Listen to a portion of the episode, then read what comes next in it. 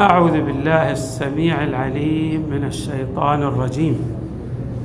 بسم الله الرحمن الرحيم والحمد لله رب العالمين. والصلاة والسلام على أشرف الخلق سيدنا ونبينا محمد وآله أجمعين الطيبين الطاهرين. قال الله تبارك وتعالى في القرآن الكريم ألف لام ميم. أحسب الناس أن يتركوا أن يقولوا آمنا وهم لا يفتنون. صدق الله العلي العظيم. من أهم ما ينبغي أن يلتفت إليه المؤمن مسألة الابتلاء. الإنسان في هذه الحياة الدنيا منذ أن يولد إلى أن يموت وهو يدخل في ابتلاء ويخرج منه ليدخل في ابتلاء آخر. بمعنى أن الله تبارك وتعالى قدر للإنسان وقضى عليه أن يعيش كل حياته في ابتلاء. ليخرج من هذه الدنيا إما ناجحا في مروره بهذه الابتلاءات وبالتالي الفوز فيها إذا صح التعبير أو يخرج قد خسر في ذلك الابتلاء. وبالتالي أيضا لم ينل مرضاة الله تبارك وتعالى. آيات القرآن تبين مطالب متعددة في الابتلاء. مطالب متعددة في الابتلاء. من هذه المطالب أن الابتلاء الذي يمر على الإنسان في هذه الحياة الدنيا لا يختص بالمرض والفقر أو الدخول في السجن مثلا أو أو من المضائق التي تمر على الإنسان في هذه الحياة الدنيا أو ايذاء غيره له. كل هذه الأنماط المتعددة من الابتلاء في الجانب المأساوي اذا صح التعبير تمثل جزءا من الابتلاء. النعيم الذي يمر على الإنسان مثل أن يعطى ثروة. هذا هو ابتلاء. مثل أن يعطى جاها أو ملكا.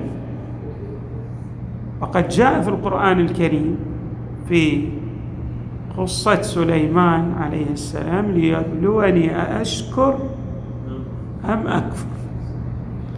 بمعنى أن هذا الملك الذي أوتي إياه أيضا هو من أجل ابتلائه به. وهذا هذه حقيقة بمعنى أن الابتلاء لا يختص بما يسوء الإنسان بل يشمل ويعم ما يسره من الجاه والمنصب والثروة والمال والجمال وكثرة الأولاد وهلم جرى من النعيم الذي يعيشه الإنسان في هذه الحياة الدنيا. كل ذلك أيضا يدخل تحت قانون الابتلاء. الأمر الثاني الذي أيضا يفصح عنه القرآن الكريم أن الإنسان ليس تكريمه في هذه الحياة الدنيا. يعني لا نستطيع أن نقول لمن نال حظوة أو جاها أو مقاما سامقا وكبيرا في هذه الحياة الدنيا. بأنه محظوظ. هذا ليس بحظ. لأن التكريم عند الله تبارك وتعالى ليس في هذه الحياة الدنيا. وقد صرحت طائفة من الآيات القرآنية بهذا الأمر. نعم الله قد يعطيك مالا وجاها ولكن ليس من أجل إكرامك بهذا المال أو بهذا الجاه. لأنه ما أعد الله ما أعده الله لك من الخير والنعيم لا يمكن أن يقاس ما يعطيك إياه.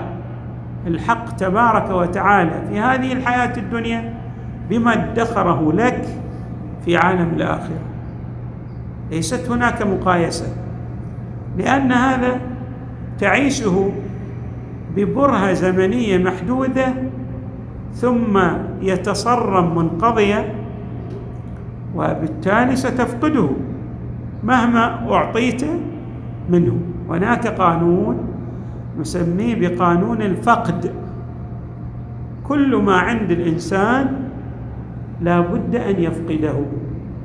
عندك صحة لا بد أن تفقد هذه الصحة. عندك أموال لا بد أن تفقد هذه الأموال. وهكذا وإذا لم تفقد هذه الأموال راح تغادر هذه الأموال أنت.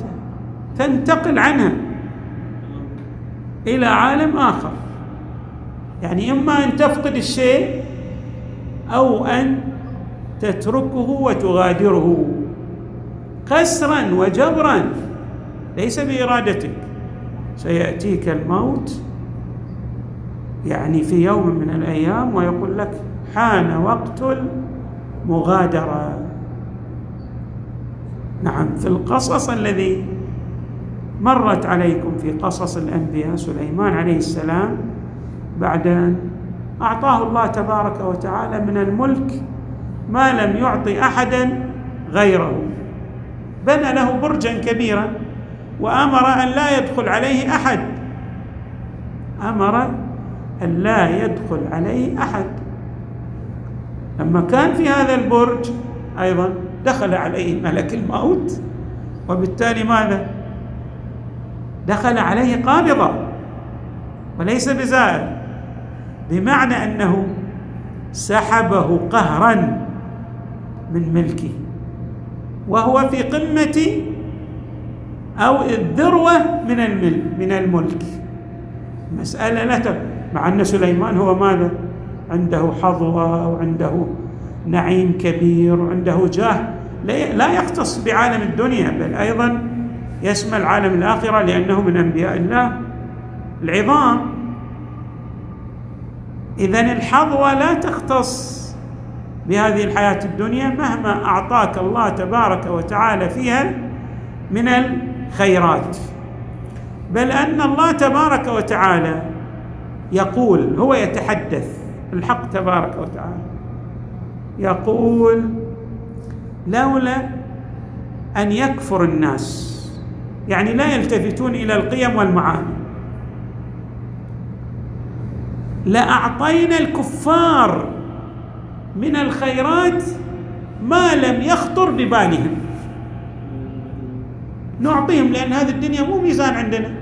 كان نكيل لهم من الكيل لكن إحنا نخاف على عبادنا المؤمنين أن يتأثروا بما يحصل عليه هؤلاء الكفرة من الخيرات الكبيرة في هذه الحياة الدنيا.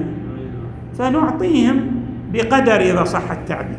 قال تعالى ولولا أن يكون الناس أمة واحدة لجعلنا لمن يكفر بالرحمن لبيوتهم سقفا من فضة. ومعارج عليها يظهرون ولبيوتهم ابوابا وسررا عليها يتكئون وزخرفا يعني ذهبا. وإن كل ذلك لما متاع الحياة الدنيا والآخرة عند ربك للمتقين. يعني مضمون الآية هذا اللي أشرت إليه. لولا أن الناس كلهم يجتمعون على الكفر لخلينا الخيرات كلها شنو؟ لهؤلاء الكفرة لأن ما عندهم شيء في الآخرة. فنقول لهم يعني أعطوا هذا النعيم اللي لكم خذوه في الدنيا. لكن بعبارة أخرى نحن نقرب المعنى. إحنا الحق يتحدث عن نفسه. نخاف على عبادنا الصالحين أن يميلوا عن الصراط المستقيم. هذا خلاصة الآية. اذا حري بنا أن نلتفت إلى هذه الحقيقة التي يتحدث عنها القرآن بأن مسألة ما يؤتاه الإنسان من الخيرات في هذه الحياة الدنيا ليس بميزان. وحري بالإنسان أن يلتفت إلى أن التكريم والمقام والحظوة كل ذلك يختص بعالم الآخرة. هذه حقيقة جد هامة حري بالانسان أن يلتفت إليها. الأمر الآخر الذي يتبع هذه الحقيقة التي أشرنا إليها أن هذا البلاء الذي يمر على الإنسان فيه فوائد لا عد لها ولا حصر. من أهم هذه الفوائد أن الإنسان بطبعه عنده إيغال في عالم الحس. يعني هو طبيعته ميله إلى جسده أقوى من ميله إلى روحه إلى الجانب المعنوي. هذا طبيعة في الإنسان. الله جبل الإنسان عليها. وإنه لحب الخير لشديد يعني لحب المال هذه طبيعة يكون نلتفت إليها. طيب ما هو الشيء الذي يخلص الإنسان من هذا الارتباط الوثيق بالجانب الحسي والمادي؟ ما في شيء يخلص الإنسان أو يقلل من علاقته. بهذه الجنبه الحسيه والمادية إلا الابتلاء. ابتلاء يلفت نظر الإنسان على أن المسألة ليست فقط مادة ليست فقط أمور تتعلق بالحس بل هناك عالم معنوي يختلف في جوهره وفي حقيقته عن هذه الأمور الحسية. فإذا الابتلاء فيه فائدة كبيرة وعظيمة ألا وهي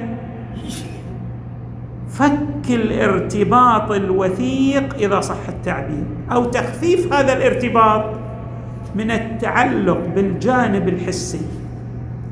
بمعنى آخر يصبح هذا التعلق بالجانب الحسي والمادي أقل بالنسبة للإنسان نتيجة للابتلاءات التي تمر عليه ويتمحص بها.